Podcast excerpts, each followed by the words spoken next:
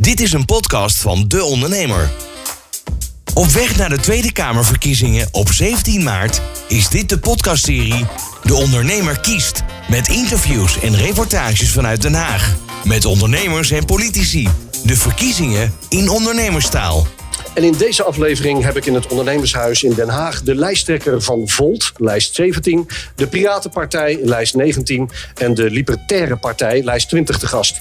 Laurens Dassen, Matthijs Pontier en Robert Valentijn. Welkom in De Ondernemer Kiest, een podcast waarbij deze politieke partijen eens niet om de vragen vooraf hebben gevraagd. De Ondernemer kiest met Robert van den Ham. Laten we eerst eens kennis maken met de lijsttrekkers. Wie zijn ze? Waarom willen ze dit? En hoe ziet hun dag eruit na 17 maart, de 18e dus? Drie vragen dus en voor alle antwoorden voor een ieder een minuut zendtijd.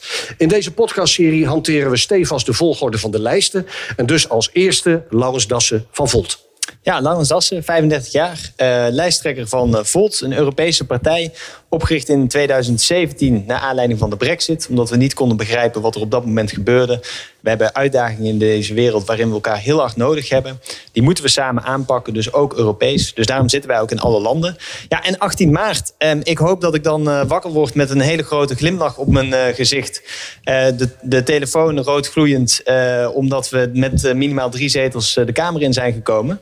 En zoals het er nu naar uitziet, is die kans zeer real, realistisch. Dus 18 maart zal een mooie dag worden met hopelijk veel telefoontjes, veel interviews van wat wij met Volt in de Tweede Kamer nu echt gaan doen. Je hebt nog een paar seconden, Laurens, want ik wil nog even weten wie jij bent. Ja, Laurens Dassen, dus geboren in Brabant, in Knechtsel, opgegroeid, een klein dorpje. Bedrijfskunde gestudeerd, daarna gaan werken in de tijd van de crisis uh, bij ABN AMRO. Uh, omdat ik dacht van, nou oké, als er ergens veel gaat, moet veranderen en veel gaat gebeuren, dan is het in de financiële wereld. Um, Tweeënhalf jaar geleden mijn baan opgezegd om, uh, ja, om fulltime voor Volt aan de slag te gaan. Omdat ik het idee had dat er iets moest veranderen in de politiek. Me zorgen maakte over het nationalisme. Uh, en dat in Volt vond om dat te veranderen. Helder, gaan we naar de Piratenpartij. Matthijs Pontier. Ja, ik ben Matthijs Pontier van de Piratenpartij. Ik heb een achtergrond als wetenschapper. Ik heb kunstmatige intelligentie en psychologie gedaan. En dan uh, een PhD ertussenin. Daar heb ik uh, emotionele intelligentie voor computers en robots ontwikkeld. En daarna heb ik meer gekeken naar de ethiek van technologie. Hoe kan je technologie op, zo'n, op een ethisch mogelijke manier inzetten? Nou, dat is natuurlijk meteen ook de link naar de Piratenpartij. Dus toen ben ik daarna daar actief geworden. Uh, met de Piratenpartij willen wij de marktmacht van grote multinationals aanpakken en uh, regeltjes schrappen zodat kleine ondernemers een eerlijke kans krijgen. Uh, onbelet door allerlei bureaucratie over patenten en dat soort dingen. Um, en 18 maart, dan uh, zijn wij uh, een overwinning aan het vieren. En tegelijkertijd heel erg druk bezig met, uh, met alles opbouwen. Want dan zijn we met meerdere, meerdere zetels de Tweede Kamer geënterd. Robert Valentijn, de Libertaire Party. Yes. Jouw minuut. Klopt. Uh, Robert Valentijn, 36 jaar, uh, lijsttrekker en voorzitter van de Libertaire Partij. Uh, we bestaan al sinds 1993. heel lang een filosofieclub geweest, een getuigenispartij. Een klassiek liberale partij. Echt een partij voor de vrije markt. En wat mij betreft dus ook voor de, voor de ondernemers. Want die moeten in onze wereld moeten het doen. minder overheid, meer ondernemerschap. En ik denk wat ons uniek maakt is dat je ziet dat een heel groot deel van uh, Nederland juist een kant op gaat waarbij ze meer regels en meer overheid willen uh, vanaf nationaal of internationaal niveau meer sturing. En wij zeggen ja, er moet veel minder sturing komen. Laat het over aan de mensen in de maatschappij en ondernemers om het samen op te lossen. Dan heb je veel meer initiatief, veel meer creativiteit en veel minder bureaucratie. En op 18 maart hoop ik, ja, ik hoop toch nog wel rustig te beginnen. Uh, ook al wordt het een historische dag, omdat we voor het eerst een zetel halen. Rustig opstaan, koffietje. En dan uh, eens nadenken hoe we ons platform gaan gebruiken om deze boodschap uh, Nederland in te slingeren. Je hebt nog een paar seconden. Misschien kun je iets vertellen ook over de libertaire filosofie achter jullie partij ook. En sowieso die filosofie. Ja, we zijn echt gestoeld op het uh, klassiek liberalisme. Dat uitgaat van een, uh, van een kleine overheid. Uh, en dat niemand de waarheid in pacht heeft. En dat je gezamenlijk die waarheid moet achterhalen. En dat het dus niet goed is als je één iemand hebt die een beleidsrichting uitzet. en je geen concurrentie van ideeën hebt. En um, daarom vinden wij ondernemerschap zo mooi. Want uh, je weet nooit hoe het gaat lopen. Omdat heel veel mensen gaan ondernemen, met heel veel innovatieve ideeën komen, blijft de beste ideeën over. En die maakt de wereld beter. Matthijs, kennen jullie elkaar? Volgen jullie elkaar? Komen jullie elkaar wel eens tegen in de wandelgangen al? Of? Uh, ik ben Robert wel eens eerder tegengekomen in eerdere campagne. Ik denk uh, Amsterdam. Ja. Ja. En wij kennen elkaar nog niet, maar... Nee, ja, dit is de eerste keer uh, voor mij voor, met beide heren. Dus uh, het is leuk uh, kennis te maken. Maar is het zo dat jullie elkaar ook volgen, de ontwikkelingen? Juist jullie als de wat kleinere partijen op weg naar die 17e maart? Um, nou, we proberen natuurlijk, uh, met, met Volt proberen we natuurlijk veel te volgen. Um, ik merk wel zelf dat ja, je bent zo ontzettend bezig met het Volt-verhaal vertellen... dat het me niet lukt om uh, alles en iedereen uh, op dit moment te volgen, helaas. Robert, hoe is dat bij jou? Ja, een beetje hetzelfde. Ik, um, je volgt natuurlijk wel welke nieuwe partijen erbij komen... en wie gooi naar een kamerzetel doet. Um, Piratenpartij hebben op sommige vlakken ook wel ideologische overeenkomsten. Dus die, daar kijk ik af en toe nog wel een beetje extra naar. Uh, maar verder nou, druk met eigen campagne en eigen boodschap verkondigen. Begrijp ik. We gaan het hebben over ondernemen, over ondernemerschap. Uh, Laurens, uh, bij Volt staat het stimuleren van innovatief ondernemerschap centraal, lees ik in jullie verkiezingsprogramma.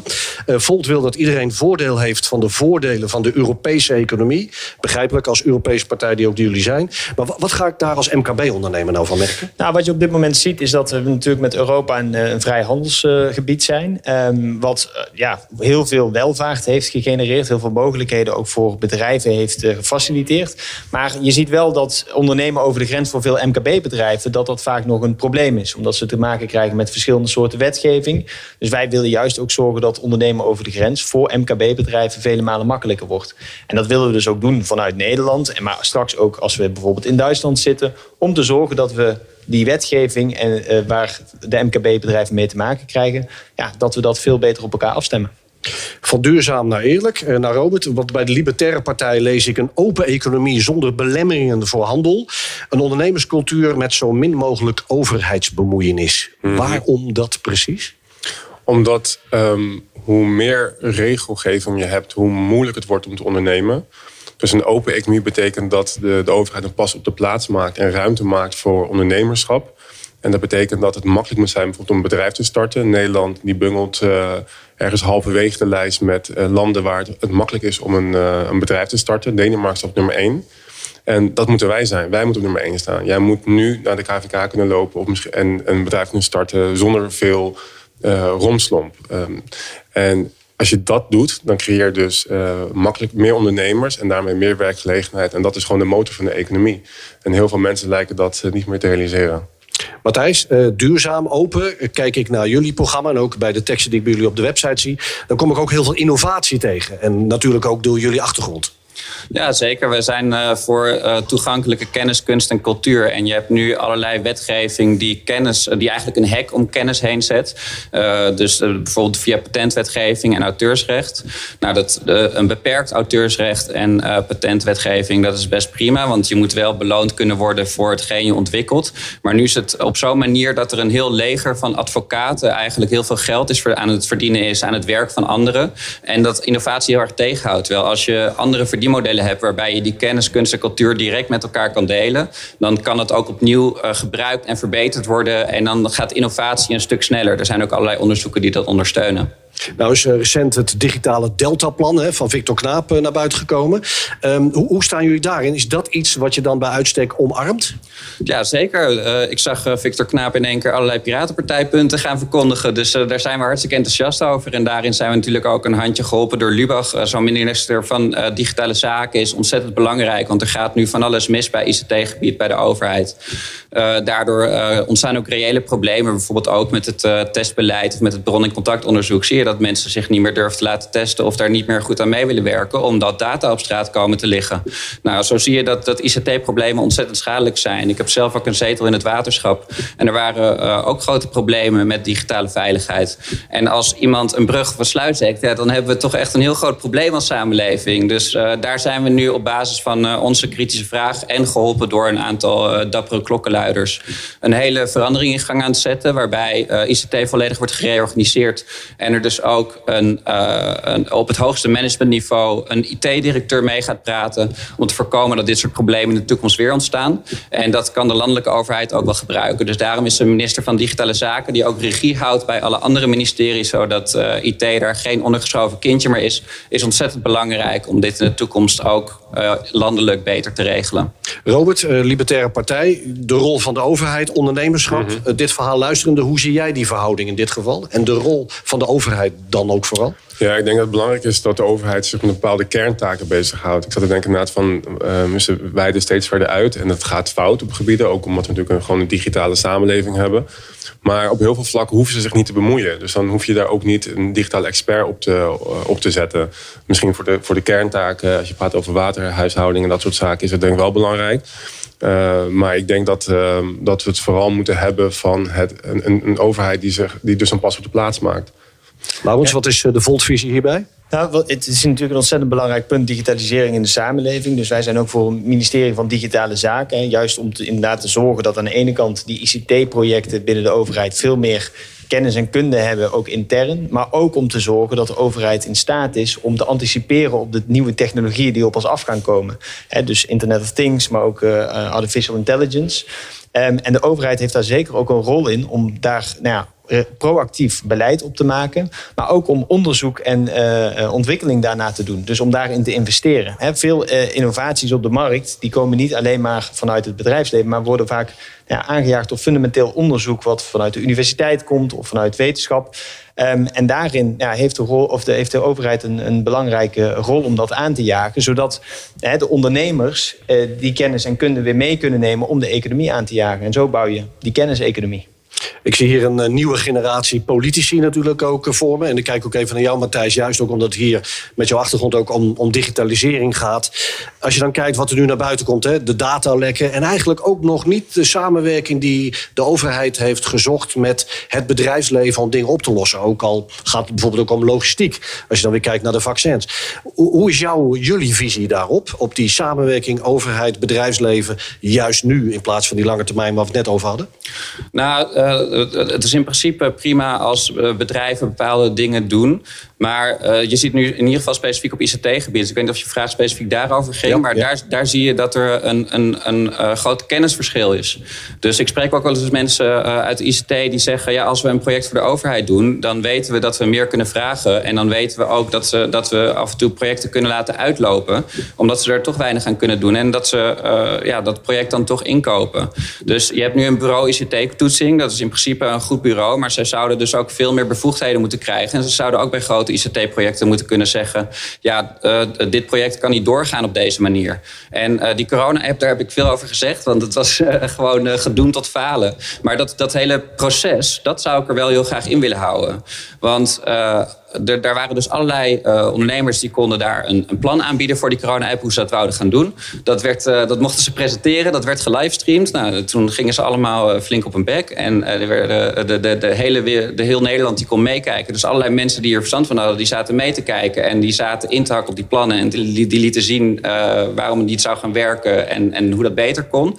En uiteindelijk is er dus ook een hele community opgestaan, Code for NL. Die heeft daaraan meegeholpen, die heeft een heleboel dingen verbeterd. En daarom hebben we nu uh, een, een, relatief niet zo heel erg slechte corona-app... die in ieder geval qua privacybescherming een stuk slechter had gekund. En zo zou het dus eigenlijk altijd moeten gaan. Dat als uh, ICT-ondernemers een project voor de overheid willen doen... dat iedereen mee kan kijken, dat iedereen kan zeggen... nou, dit is niet goed, uh, hoezo zou het beter kunnen? Zo voorkom je dat je met enorme kostenoverschrijdingen te maken krijgt... En vervolgens op die manier kan je betere plannen realiseren. Robert, aan jou, de, de, rol van de overheid, laten we die nog even vasthouden... in combinatie met deze coronacrisis waar we middenin zitten. Kijkend naar de maatregelen die genomen zijn... Mm -hmm. kijkend naar jullie libertaire filosofie... Mm -hmm. wat vind je dan van die maatregelen tot nu toe? Hoe ver de overheid daarin gaat, of misschien wel juist niet? Ja, ik vind het buitenproportioneel. Ik denk dat het, uh, het nut en noodzaak al lang niet meer in beeld is. Ik denk dat al redelijk snel duidelijk was dat een een hele beperkte doelgroep last heeft van, van corona. Uh, en de maatregelen die in eerste instantie twee weken zouden duren, duren nu al uh, praktisch een jaar. Uh, met alle gevolgen van dien. Ik denk dat de, de schade die er aan zit te komen nog, nog niet, nog niet bekend is. de economische schade gaat gigantisch zijn. het leed wat daarmee gepaard, gepaard is, gaat gigantisch zijn. we zijn echt met een, met een moker op een mug aan het slaan ik denk dat het heel kwalijk is dat, we, dat, dat elke dag deze situatie voortduurt, is, uh, is heel slecht voor, voor Nederland. Uh, vind ik. Laurens, zie jij dat ook zo? Nou, je ziet natuurlijk dat uh, op dit moment we in exceptionele omstandigheden zitten. En er worden, ja, de crisis raakt ons extreem hard. En zeker ook ondernemers. Um, veel mensen die hun levenswerk in rook zien opgaan, die uh, ja, vragen zich af van oké, hoe gaat de komende tijd eruit zien? En wat je ziet is dat de overheid ja, toch zwalkend beleid heeft. We weten niet nou helemaal precies wat nou de strategie is die ze aan het voeren zijn. Dat zag je ook bij de persconferentie. Um, en daarvan vraag ik me wel af, ja, hadden we niet veel strakker op dat virus moeten zitten, juist om te zorgen dat er al veel eerder weer meer mogelijk is. En volgens mij moeten we ook veel meer kijken naar, ja, wat kan er wel? Wat zijn de innovaties die we wel kunnen doorvoeren? En wat komt er vanuit de ondernemer wat wel mogelijk is? Um, maar daarvoor moet de overheid wel ja, faciliteren dat uh, het virus onder controle is. Nou zijn jullie een uh, Europese partij, net als uh, de partij van Matthijs, de, de Piratenpartij. Als we nou eens kijken naar het Europese beleid en de eenduidigheid, laat ik het voorzichtig uit, uh, uit uh, formuleren, die ver te zoeken was tussen alle Europese landen. Uh, België en Duitsland hebben op enig moment totaal andere maatregelen genomen dan wij hier. sterker nog, de virologen in de landen spreken elkaar tegen. Laat staan dat het in Brussel eenduidig begrepen wordt. Hoe kijken jullie terug, laat ik dan beginnen ook bij jou, Laurens, op die afgelopen maanden en op dat eigenlijk gebrek aan één grote Europese lijn in de, in de, ja, in de aanpak van de coronavirus? Ja, heel zorgwekkend. Ja. ik bedoel, bij de start van de corona coronacrisis uh, gingen de grenzen dicht, stonden uh, medische middelen stonden dicht of bij een dichte grens. Uh, was het een gevecht op de mondkapjesmarkt. Eigenlijk niemand wist precies waar je aan toe was. Um, er waren geen duidelijke afspraken tussen landen. Er was geen regie vanuit de Europese Unie. En dat kan ook niet, omdat de gezondheidszorg is een nationale aangelegenheid. Dus de Europese Unie heeft daar ook heel weinig over te zeggen. Nou, langzaam maar zeker zijn daar betere afspraken over gekomen. Uh, maar het is duidelijk dat de Europese Unie en, en, Nederland niet goed voorbereid waren op wat kwam op deze pandemie. En, en, dat vind ik heel raar, want er is al jaren voor gewaarschuwd. Um, en dus ja, ik zou nu ook oproepen van als we kijken naar de toekomst, we weten dat dit vaker gaat gebeuren. Zorg dat we gezamenlijke pandemie aanpakken hebben, zodat ja, we wel in Europa ook over kunnen blijven en dat er vele betere afspraken met elkaar gemaakt kunnen worden. Matthijs, hoe zie jij dat? En dan ook even met die Europese bril op in dit geval? Nou ja, bij de Piratenpartij zijn we heel erg voor uh, samenwerking, maar ook wel voor uh, lokaal beleid. Dus uh, op het moment dat er ergens veel minder besmettingen zijn, kan je daar best wel lokale aanpassingen maken op het beleid. Maar zou je wel veel meer moeten samenwerken. Uh, nou, de Piratenpartij is natuurlijk niet alleen een Europese partij, maar ook een internationale partij. En als je het zo bekijkt, dan uh, ben ik juist ook wel weer kritisch over dat wereldwijd wel eenzelfde soort aanpak wordt gevolgd. een aanpak die in China werkt, wat toch een hele autoritaire samenleving is, die hoeft niet per se in Europa te werken. In Europa dan heb je toch meer een vrije democratie en uh, waar ik vooral kritisch ben over in, in, de aanpak in Nederland en andere Europese landen, is het gebrek aan openheid in de aanpak. Uh, er worden eigenlijk uh, geheime uh, adviezen gegeven op basis van geheime data en geheime modellen. Terwijl er zit zoveel kennis in de samenleving die we zouden kunnen gebruiken. Als, als iedereen mee kan kijken met die modellen en als er ook verschillende alternatieven worden doorgerekend, dan zouden we ook best wel eens kunnen uitkomen op maatregelen die minder beperkend zijn en meer beschermend, maar die wel hetzelfde effect hebben op het verspreiding van het virus. En daarmee zou er dus ook veel meer mogelijk zijn. Hoe kijkt de Libertaire Partij naar Europa, naar de Europese Unie? In zijn algemeenheid of over corona? Ja, in corona in dit geval, ja. Nee, ik ben, uh, Laus begon net met zeg maar, de vrijheden die we hebben gekregen door de Europese Unie. En ik denk dat dat, uh, of eigenlijk was het door de EEG nog. Uh, daar zijn wij als partij uh, groot voorstander van. Ik denk dat dat inderdaad heel veel welvaart met zich meebrengt. Dat jij gewoon de grens over kan gaan, daar kan werken, kan wonen, kan ondernemen. Uh, en dat willen we graag houden. Alleen de politieke unie, zeg maar de verregaande samenwerking. Ervoor zorgen dat je in de toekomst maar één soort beleid uit Brussel krijgt voor alle landen. Ja, dat, dat gaat tegen het principe in dat je juist wil concurreren op ideeën. En dat je moet kunnen afkijken bij een buurland van hoe het daar gaat. Of bij een buurregio. Dus wij willen, wij willen die integratie juist stoppen en terugdraaien. En eerder teruggaan naar, naar een EEG. Waarbij je wel de vrijheden hebt, maar niet uh, de last van de politieke unie. Die, waarvan je daar maar moet hopen dat ze het juiste beleid kiezen. Of de volgende keer wel op tijd uh, een crisis aanzien komen op reageren. Ik heb er weinig vertrouwen in als je kijkt naar uh, de track record van, van, van overheden in het algemeen. En ik denk dat we de vrijheden moeten beschermen en, en voor de rest lekker aan de landen zelf overlaten. We nemen deze podcast op tussen twee weer belangrijke coronapersconferenties in. Waarbij maandag 8 maart de volgende gaat worden. Laurens, eh, want we volgen de lijsten eh, met de kennis van nu. Wat zou die avond jouw tekst zijn? Dus stel, jij kan namens Volt de persconferentie doen. Ehm, welke maatregelen en of oplossingen ga ik dan die avond van jou horen? Um, nou, in ieder geval zorgen hè, dat de uh, ondernemers die op dit moment uh, weer de dupe zijn, goed gecompenseerd worden. Um, maar ook dat er hele duidelijke richtlijnen zijn van wat er wel mogelijk gaat zijn en wat er ook niet mogelijk gaat zijn. En hoe we uh, uit deze ja, crisis gaan komen. Um, ja, het is natuurlijk heel moeilijk om vooruit te kijken naar, naar, de volgende persconferentie. Want er gebeurt natuurlijk zoveel. Ik ben ook benieuwd hoe de ja, nieuwe maatregelen van de afgelopen persconferentie zich gaan ontwikkelen. Maar het belangrijkste is, is dat de overheid in ieder geval een duidelijke richting geeft. En niet dus een yo-yo-effect weer creëert. Van dat we nu open gaan en vervolgens weer dicht moeten. Want dat ondermijnt ook de, de aanpak. En daar moeten we volgens mij vanaf. Ja, en ik denk dat we heel erg goed moeten kijken naar ja, wat kan er wel. Dus wat kunnen we ondernemers wel bieden van en gesprek gaan met die ondernemer om te kijken van kunnen zij op een bepaalde manier open, kunnen ze hun producten slijten, uh, kunnen de terrassen open, kunnen, ja, wat, wat is er wel mogelijk? En ik denk dat dat een beetje de strekking van het verhaal moet worden. Matthijs? Nou, we leven in een vrije democratie. En in een vrije democratie ga je eerst kijken hoe kunnen we mensen helpen om zichzelf en anderen te beschermen. En niet zozeer uh, via dwang en drang. Dus uh, mijn boodschap zou zijn dat we vanaf nu ook op deze manier de coronacrisis gaan behandelen. Uh, dat we heel erg gaan kijken, alles opengooien. Dus alle data, alle modellen open. dat iedereen mee kan denken, hoe kunnen we zorgen dat dingen wel mogelijk zijn. En niet alleen maar hoeveel moeten we beperken. Want er zijn echt wel meer schalen dan alleen maar beperken. Er zijn ook allerlei mogelijkheden. Bijvoorbeeld voor ventilatie, luchtvochtigheid of UV-lampen. Die, die, die zijn nu niet goed doorgerekend in het plannen.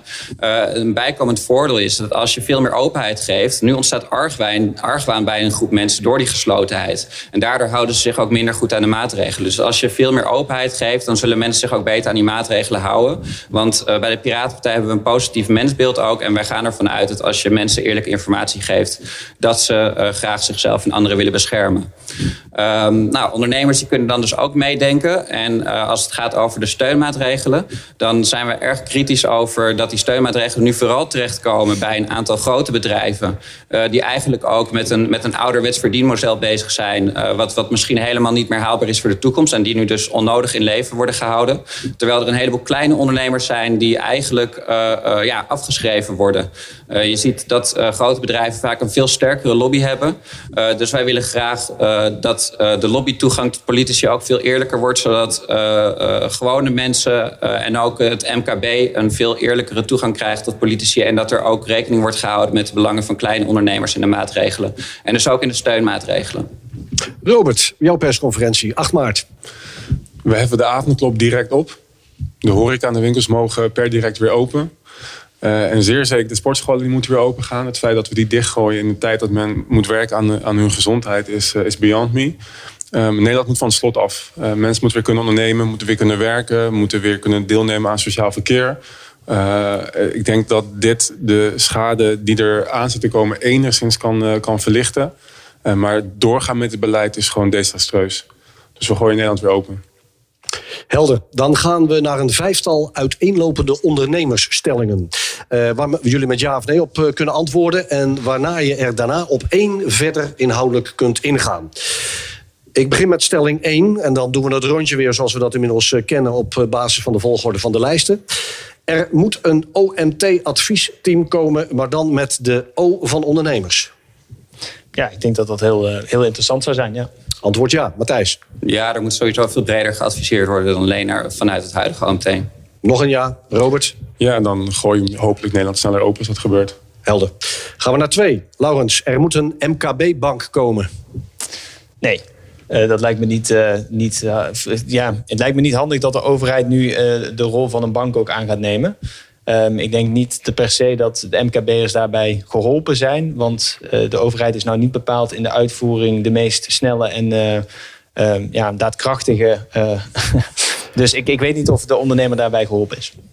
Matthijs. Nee, de over, het is geen taak voor de overheid. De overheid kan beter helpen door allerlei belemmeringen weg te nemen die er nu zijn voor kleine ondernemers. Robert? En was de insteek dat, dat hij vanuit de overheid zou komen? Ja. Nee. Driemaal nee. Helder. Stelling 3. Er moet een minister van Ondernemerschap en Handel komen. Laurens. Ja, er, is nu natuurlijk ook al een minister van Handel. Ehm, Dus die zou daar ondernemerschap erbij krijgen. Het is vooral buitenlandse handel, hè? Ja, is veel buitenlandse handel. Ehm, ja, daar zou, ik, daar zou ik echt even over na moeten denken hoe je dat het beste kunt inrichten. Geen direct ja of nee? Geen direct ja of nee. Oké. Matthijs? Nou, ik zou zeggen dat het al redelijk wordt ondervangen door de huidige ministeries. En het is ehm, niet altijd de beste oplossing om maar met een nieuw ministerie te komen. Als er een ministerie moet bijkomen, dan is het natuurlijk een ministerie van Digitale Zaken. Helder. Robert, hoe zie jij dat? Ja, lastig inderdaad. Ik ben en geneigd ook om nee te zeggen, omdat het dat je inderdaad een nieuw ministerie moet gaan optuigen. Aan de andere kant, de focus vanuit de overheid meer op ondernemerschap is natuurlijk heel erg belangrijk. Eh, maar zoals ik al eerder heb betoogd vandaag, ehm, zit dat vooral in het terugtrekken van de overheid en niet zozeer meer focus van de overheid ergens op. Dus dan ehm, ga ik nu ook voor nee. Goed zo. 4. De partnertoets moet worden afgeschaft. Laurens, Ja, dat, eh, dat denk ik wel. Ehm, je mag straks erop ingaan als je dat wilt. Matthijs? Ja. Ja. Ja. Driemaal ja. Driemaal een hele duidelijke ja. De laatste. Stelling 5. De winkeltijdenwet moet worden afgeschaft. Laurens? ja, Ja. Matthijs? Ja. Ja. Robert? Oké. Dan hebben we de vijf stellingen gehad. En jullie mogen er allemaal één uitkiezen waar je graag iets meer over wil vertellen. Dus waar je op terug mag komen. Begin ik eh, wederom bij Laurens. Welke van de vijf zou je willen bespreken? Ehm, nou, ik denk eh, het, het OMT met de O van ondernemerschap. Ik denk wel dat het heel belangrijk is dat we veel bredere discussies gaan voeren van hoe gaan we zorgen dat we de samenleving daar weer open kunnen gooien. Dus ook hoe kunnen we zorgen dat we het herstel eh, na de coronacrisis vorm gaan geven. Wat is daar nodig vanuit de, de samenleving, vanuit de ondernemers. Ehm, zodat we daarna ook weer kunnen gaan groeien. Ehm, en, en dus ik denk dat het goed is dat daar een veel betere, bredere maatschappelijke discussie over eh, gaat plaatsvinden. Vind je ook dat het er al niet had moeten zijn? Ehm, ja, dat, dat vind ik inderdaad. Ehm, eh, en ik denk sowieso dat ja, de discussie al veel langer, veel breder eh, gevoerd had moeten worden. Matthijs, welke stelling ga jij eruit halen? Eh, ja, die partnertoets denk ik dan. Ja. Eh, daardoor komen een heleboel mensen nu in de problemen. Eh, en de Piratenpartij wil sowieso de, de sociale ze- zekerheid eh, flink hervormen met een onvoorwaardelijk basisinkomen. Eh, op het moment dat je sowieso in je basis wordt voorzien, want iedereen die heeft bestaansrecht, dan kan je van daaruit ook, heb je veel meer vrijheid om te ondernemen en daarin ook risico's te nemen. En als iedereen die financiële basis heeft en die, die vrijheid bestaat, dan omdat er meer risico's genomen kunnen worden, zie je ook dat innovatie dan veel sneller gaat. Dus, en en de, de, de MKB en innovatie, dat is echt de motor van onze economie. Dus op die manier kunnen we de economie flink aanjagen. Dat is volgens, volgens ons een heel goed idee. Voor de luisteraar, deze podcast wordt opgenomen op de dag dat er wordt gestemd over afschaffing van de partnertoets. De drie linkse partijen hebben daar een motie toe ingediend. Eh, Matthijs, wat zou de reden kunnen zijn om niet voor afschaffing te stemmen, denk jij? Nou ja, ik ben voor afschaffing, dus waarom vraag je dat aan mij? Nou ja, goed. De, de tegenargumenten waar jij op zou kunnen reageren van de andere kant van de politiek. Ja, ik zie eigenlijk helemaal geen goede tegenargumenten. Welke, welke tegenargumenten worden er gegeven? We hebben het hier vooral over zelfstandigen, kleine zelfstandigen. Ja. We hebben het hier niet over grote bedrijven. Daar kan iets in de lobby een rol spelen. Ja, maar dit is toch juist een, een probleem dat, eh, dat eh, kleine zelfstandigen nu on- onvoldoende lobbytoegang hebben. En dat zij daardoor, eh, dat die partnertoets, die benadelt hen toch juist heel erg. Dus een duidelijk ja, deze moeten zo snel mogelijk afgeschaft worden. Ja, die partnertoets moet afgeschaft worden, precies. Helder. Ja. Robert, welke van de vijf pak jij eruit? De winkeltijdenwet. De winkeltijdenwet. Ja, En waarom? Nou ja, omdat, ik vind het wel grappig. Het is natuurlijk een wet die al heel lang bestaat en waar niemand echt meer om, eh, naar kijkt. Maar blijkbaar heeft de overheid al lang geleden eh, ehm, bepaald dat zij mogen bepalen wanneer jij open gaat. En nu met de avondklok is het misschien nogal, eh, eh, nogal een, een, een, een mooi, eh, een mooi contrast. Ehm, ja, waarom kan de winkel zelf niet bepalen wanneer hij zijn winkeldeuren opengooit? Als er vraag naar is, eh, dan, eh, dan, dan, dan moet dat gewoon mogelijk zijn. Eh, hetzelfde gaat uiteraard gewoon met je huis uitgaan na negen uur. Ik, vind het, ja, ik vind het een rare zaak dat de overheid bepaalt zeg maar, wanneer een winkel open kan. dan wel helemaal nu tij- tijdens corona, dan wel in het normale leven. ehm, ehm, betreft de sluitingstijden. Nou verschilt het al per gemeente. Hè? De, de verruiming is natuurlijk ook in heel veel gemeentes al een feit ten opzichte van een paar jaar geleden. Ja. Maar jouw punt is dat dat vooral vanuit de overheid wordt bepaald. Terwijl je zelf eigenlijk zegt dat kunnen de winkeliers, dat kan de detailhandel, de retail. Ja, er hoeft geen wet voor te zijn. Ik denk, er, is ook, denk, ik, zijn weinig winkeliers die eh, s s'nachts open zouden gaan, eh, omdat dat gewoon niet rendabel is. En als het wel rendabel is, ja, dan doe je dus blijkbaar een, eh, een dienst aan de buurt en de omgeving. Want die hebben daar vraag naar. We gaan richting het slot van deze podcast. En daarbij staat stevast de microfoon exact op 60 seconden. Om iedereen het podium te laten pakken en ons duidelijk te maken waarom we op jullie partij moeten gaan stemmen op 15, 16 of 17 maart. Ook hier volgen we weer de volgorde van de lijsten. Dus we beginnen bij Laurens van Volt. Ja, het is natuurlijk, het MKB is ontzettend belangrijk voor het verdienvermogen van Nederland. Voor de maatschappelijke eh, eh, ambitie die we hebben. Het is het hart van de samenleving. Hè. Kijk hier naar buiten. eh, je ziet de je ziet de winkels. Eh, dus het heeft ook een hele belangrijke samenlevingsrol. Ehm, ook voor de maatschappelijke uitdagingen die we hebben, de innovatiekracht. Ehm, dus daarin moeten we zorgen dat nou, aan de ene kant natuurlijk de regeldruk verminderd wordt, zodat die innovaties ook goed kunnen plaatsvinden. We moeten zorgen dat het onderwijs goed aansluit bij de vraag vanuit het bedrijfsleven. Dus ook zorgen dat ehm, eh, de, de technische vakken dat die goed aansluiten. Eh, en de overheid moet er ook ja, aan helpen om te zorgen dat de innovatiekracht van Nederland eh, en Europa wordt aangejaagd. Juist door te investeren in fundamenteel onderzoek, in kennis en innovatie. Zodat bedrijven eh, daar weer gebruik van kunnen maken. Ehm, en als laatste, ja, laten we ook zorgen dat eh, het MKB ook over de grens goed kan ondernemen door de regels veel beter op elkaar af te stemmen. Hoeveel zetels, eh, 17 maart, einde avond, waar staan jullie op? Minimaal drie zetels. Minimaal drie zetels. Waarvan akte. Matthijs, de Piratenpartij, jouw 60 seconden. Nou, met de Piratenpartij willen we marktmacht van grote multinationals aanpakken. Als er een oliesjeik een bedrijf gaat financieren om jarenlang verlies te leiden met, met marktbedervende prijzen, dan is het heel moeilijk voor MKB om daar tegenop te concurreren. Dus we willen dan bijvoorbeeld ook die marktbedervende prijzen aanpakken. En tegelijkertijd willen voor kleine ondernemers willen we juist eh, regels schrappen en ook makkelijker maken om wel samen te werken. En bijvoorbeeld in de vorm van een coöperatie. Op die manier ontstaat er een veel eerlijkere economie waarin het MKB een kans krijgt. En pak je dit soort problemen ook bij de kern van de wortel aan. In plaats van dat je het achteraf moet gaan opheffen met allerlei regelingen die voor allerlei bureaucratie zorgen, waar ook uiteindelijk geen enkele ondernemer op zit te wachten. Uh, dus op die manier zorgen we voor een eerlijkere economie. Uh, voor de rest, wij zijn dus op deze manier socialer dan de SP. We zijn ook liberaler dan de VVD, want uh, wij willen wel regeltjes opheffen. En we zijn democratischer dan D66, maar dat is helaas niet zo ingewikkeld meer tegenwoordig. En ook keurig binnen de tijd. En hoeveel zetels voor jouw partij? Nou, dan minimaal vier. Minimaal vier. Goed, gaan we naar Robert, de Libertaire Partij. Jouw 60 seconden. Ja, de overheid moet terug naar de basis. Meer ruimte voor het individu, meer ruimte voor ondernemerschap. Uh, flink schappen in, uh, in uh, snijden in de belastingen en in de regels. We hebben echt een gigantische regeldruk. Als je bedenkt dat een cookiewet een tijdje geleden aangenomen ons al 3,9 miljard kost.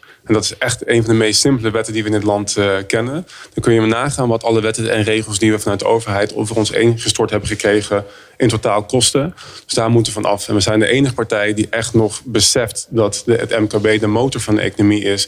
En dat we alles op alles moeten zetten om die mensen het makkelijk te maken en die mensen te kunnen laten ondernemen.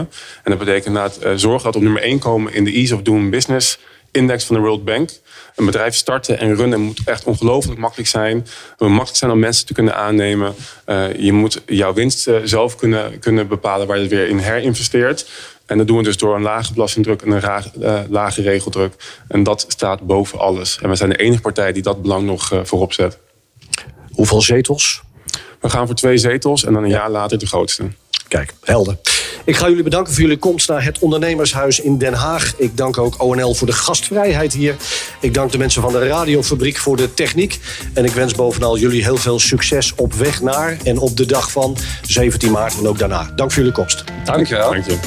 De Ondernemer kiest is een podcastserie van De Ondernemer en ONL. Opgenomen in het Ondernemershuis in Den Haag.